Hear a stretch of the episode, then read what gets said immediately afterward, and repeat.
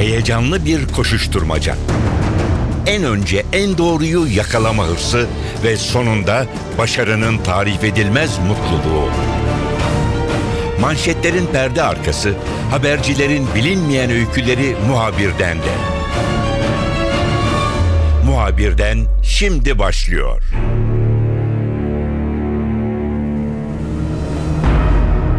Hafta içerisinde dünyanın gözü G20 zirvesinde oldu. Rusya'daki zirve aylar öncesinden planlanmıştı. Ancak özellikle Suriye konusunun öne çıkması bütün gözlerin zirveye çevrilmesine neden oldu. Sadece zirvenin gündeminde Suriye'nin olması değil aynı zamanda Suriye konusunda karar verecek olan liderlerin de bu toplantıda bir araya gelecek olması zirveye ayrı bir önem kattı. Amerika Birleşik Devletleri Başkanı Obama kısıtlı bir operasyondan yana ve kongre üzerinden bu operasyonu gerçekleştirmeyi düşünüyor. Rusya, Suriye'nin uzun yıllardır müttefiki ve son e, kimyasal saldırı sonrasında da Suriye'yi yalnız bırakmamaya kararlı gibi gözüküyor. Yani ikna edilmesi gereken bir ülke. İşte iki önemli lider bu zirvede bir araya gelecekler ve Türkiye Cumhuriyeti Başbakanı Recep Tayyip Erdoğan da zirveye katılan isimlerden. Türkiye'nin komşusu Suriye ve Türkiye'nin Suriye ilişkin bütün gelişmeleri yakından takip ettiği yıllardır biliniyor ve bir operasyondan yana Türkiye bu tavrını net bir şekilde ortaya koydu. Dolayısıyla zirvede bu konuda Başbakanın yapacağı girişimler ve temaslar ve zirvede bu konudan çıkacak olan karar Türkiye açısından hayati önem taşıyor. Gelişmeleri NTV muhabiri Ahmet Ergen takip ediyor. G20 zirvesini o izliyor. Ahmet bizimle olacak. Muhabirden başlıyor. Ben Kemal Yurteri.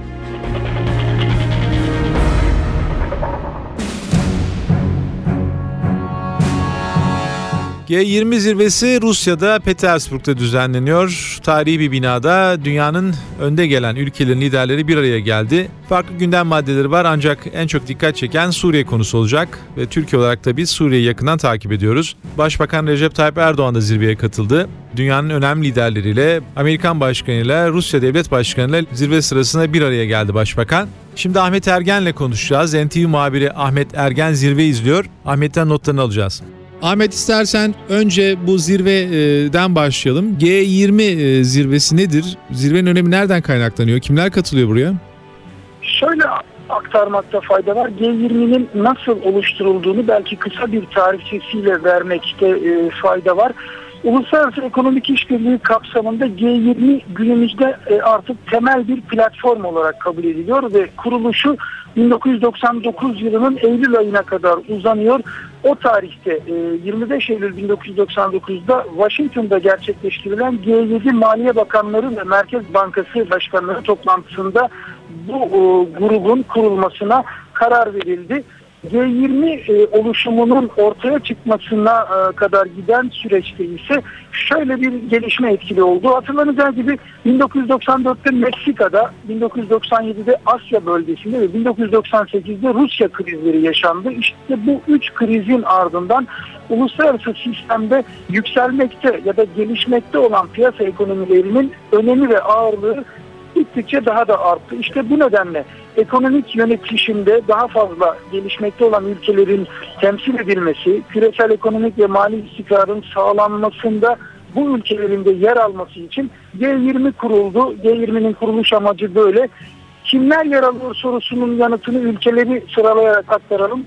Amerika Birleşik Devletleri, Almanya, Arjantin, Avustralya, Brezilya, Çin, Endonezya, Fransa, Güney Afrika, Güney Kore, Hindistan, İngiltere, İtalya, Japonya, Kanada, Meksika, Rusya, Suudi Arabistan ve Türkiye. Aslında 19 ülke bunlara ek olarak Avrupa Birliği yine bu ülkelerin ve Avrupa Birliği'nin yer aldığı G20 grubunun toplantılarına IMF ve Dünya Bankası da üst düzey e, temsille katılıyor.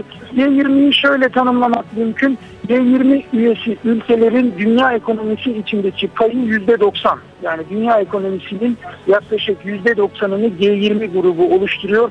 Dünya ticaretinin %80'ini bu ülkeler yapıyor. Yine dünya nüfusunun üçte ikisini de bu ülkeler temsil ediyor. Ahmet toplantının Rusya'da yapılmasının bir önemi var mı? Rusya için ne ifade ediyor? Anladığım kadarıyla Rusya Devlet Başkanı Putin toplantıya büyük bir önem veriyor. Ev sahipliği yaptığı için dünya liderlerini ağırlayacak. Ruslar açısından ne ifade ediyor? Aslında G20 platformunda 2008 yılına kadar toplantılar bakanlar düzeyinde gerçekleştiriliyordu ve e, böyle liderlerin katıldığı yıllık toplantılar, yıllık zirve toplantıları e, gerçekleştirilmiyordu. Ancak 2008 yılına gelindiğinde e, hatırlanacağı gibi yine küresel e, mali kri, kriz baş gösterdi ve küresel mali krizin ortaya çıkmasının ardından artık G20 grubunun liderler düzeyinde toplanıp krizi aşacak e, adımları daha güçlü bir şekilde atmasına karar verildi. Liderler 2008 yılından e, itibaren, 2008 yılı Kasım ayından itibaren yılda iki kez toplanıyordu. Ancak 2010 yılından itibaren bunun yıllık olarak yapılmasına karar verildi ve her yıl için bir dönem başkanı seçildi.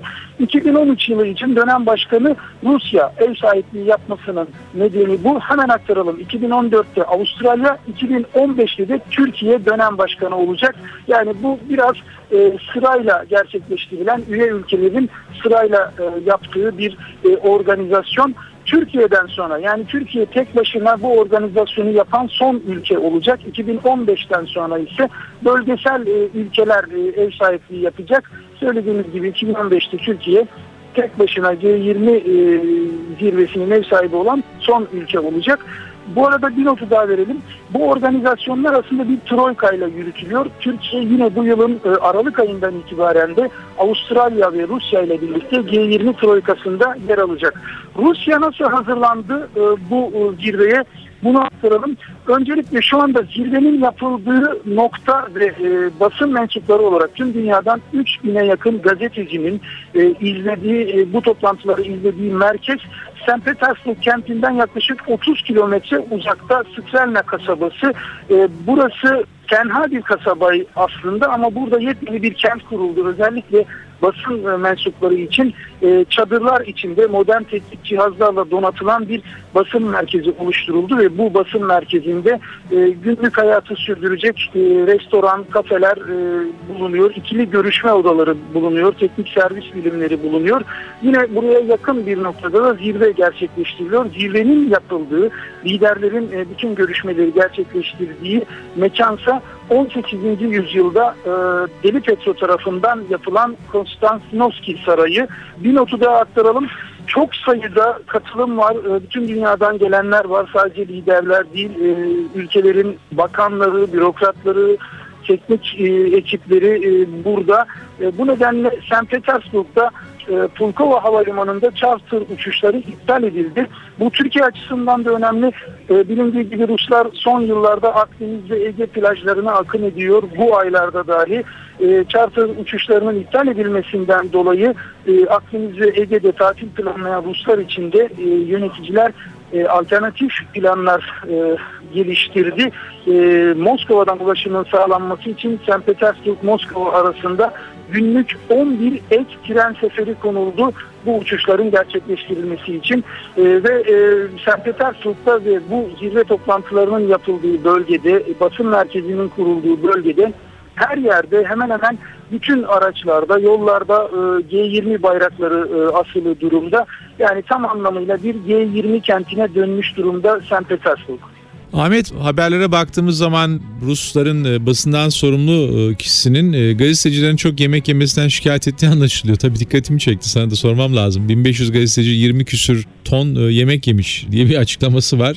Gerçekten böyle bir şey var mı yoksa biraz abartılı bir rakam bu?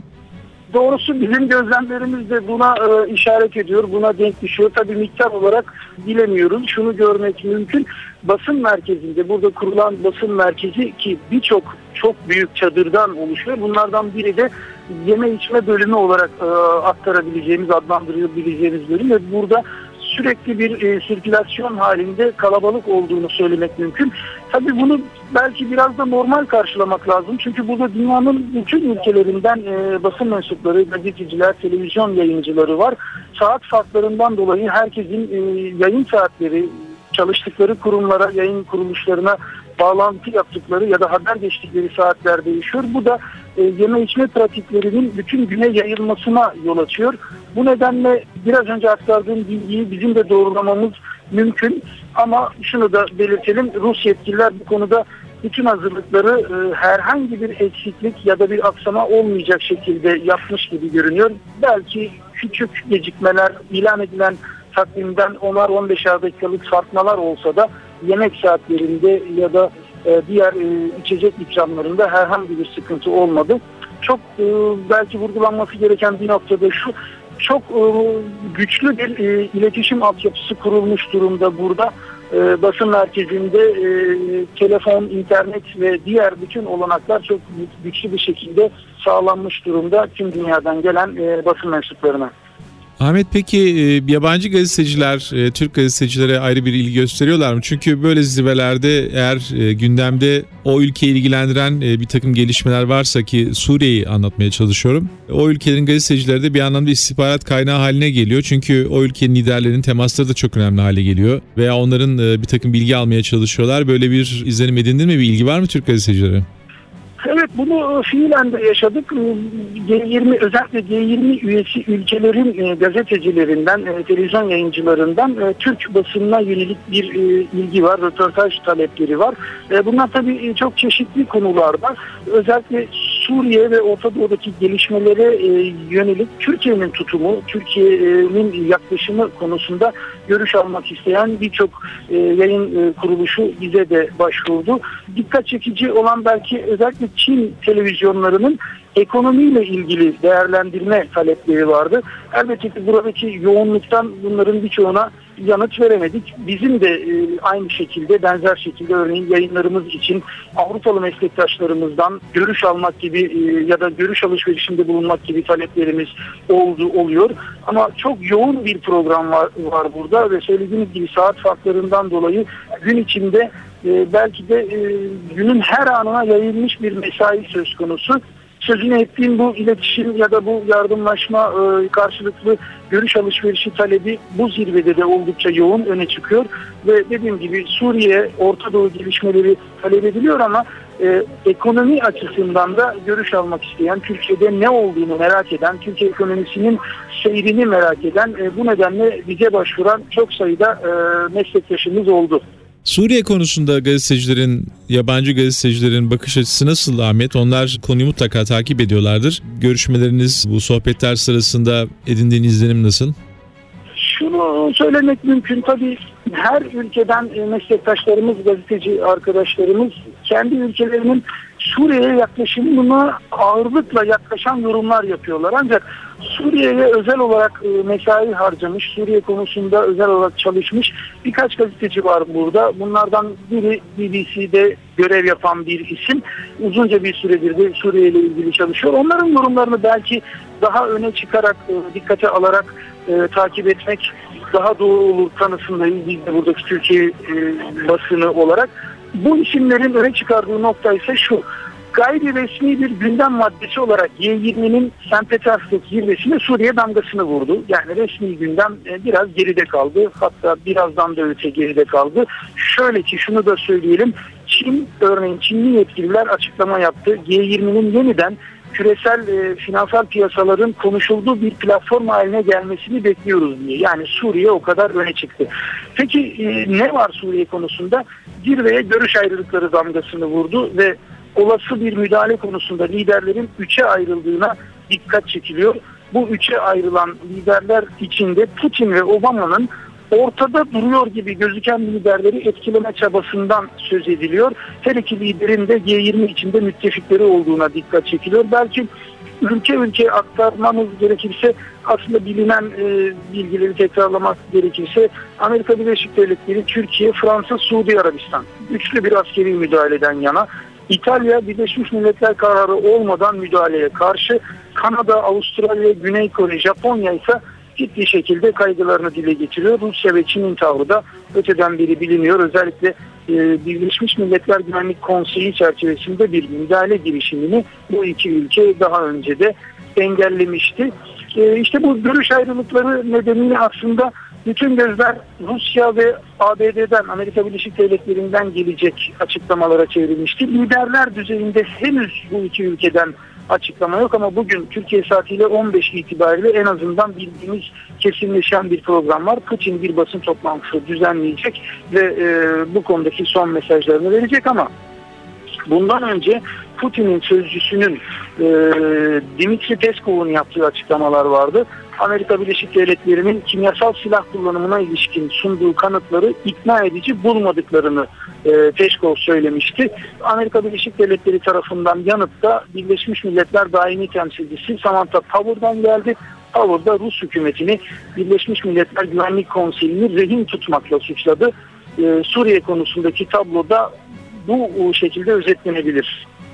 Ahmet tabi toplantı, gündüz toplantılar var. Ee, akşamlar herhalde yakındaki şehirleri gezme fırsatınız oluyordur. Biraz da çevreden söz eder misin? Çok ilginç bir bina anladığım kadarıyla. Deli Petro'nun sarayıymış. Deli Petro Türkiye için de önemli bir isim, tanıdık bir isim. Bu binanın önemi nedir? Bir de etrafı nasıl? Toplantının yapıldığı bölgenin çevresindeki yerler nasıl? Görebilme fırsatın oldu mu?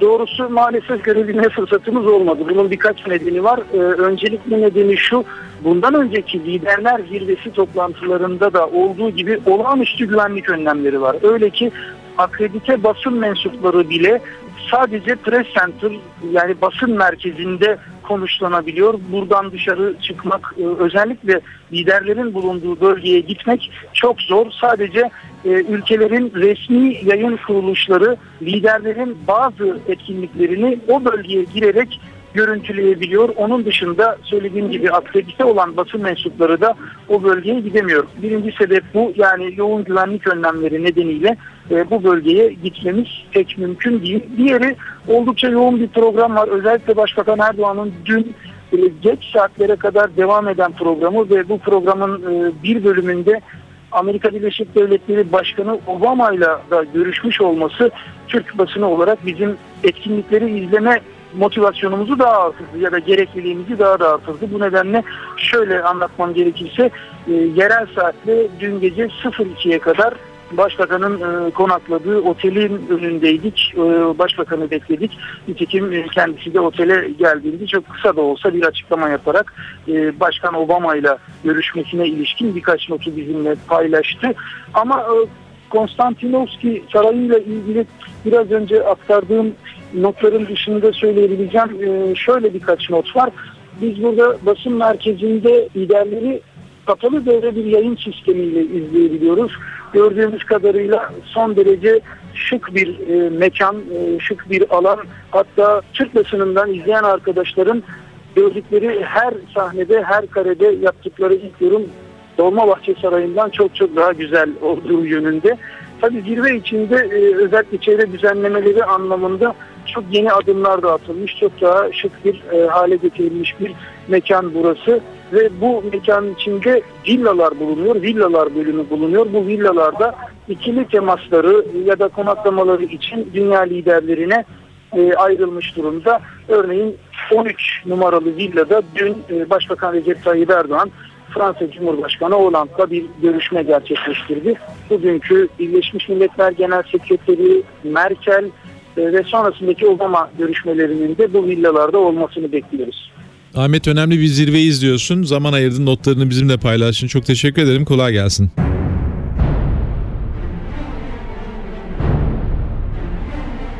Muhabirden de bu hafta haftanın en önemli konusu olan G20 zirvesine yakından baktık. NTV muhabir Ahmet Ergen notlarını bizimle paylaştı. Ben Kemal Yurteri. Muhabirden de yeniden görüşmek üzere. Hoşçakalın.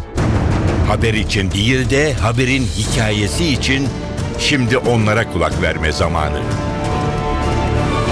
Muhabirden NTV Radyo'da.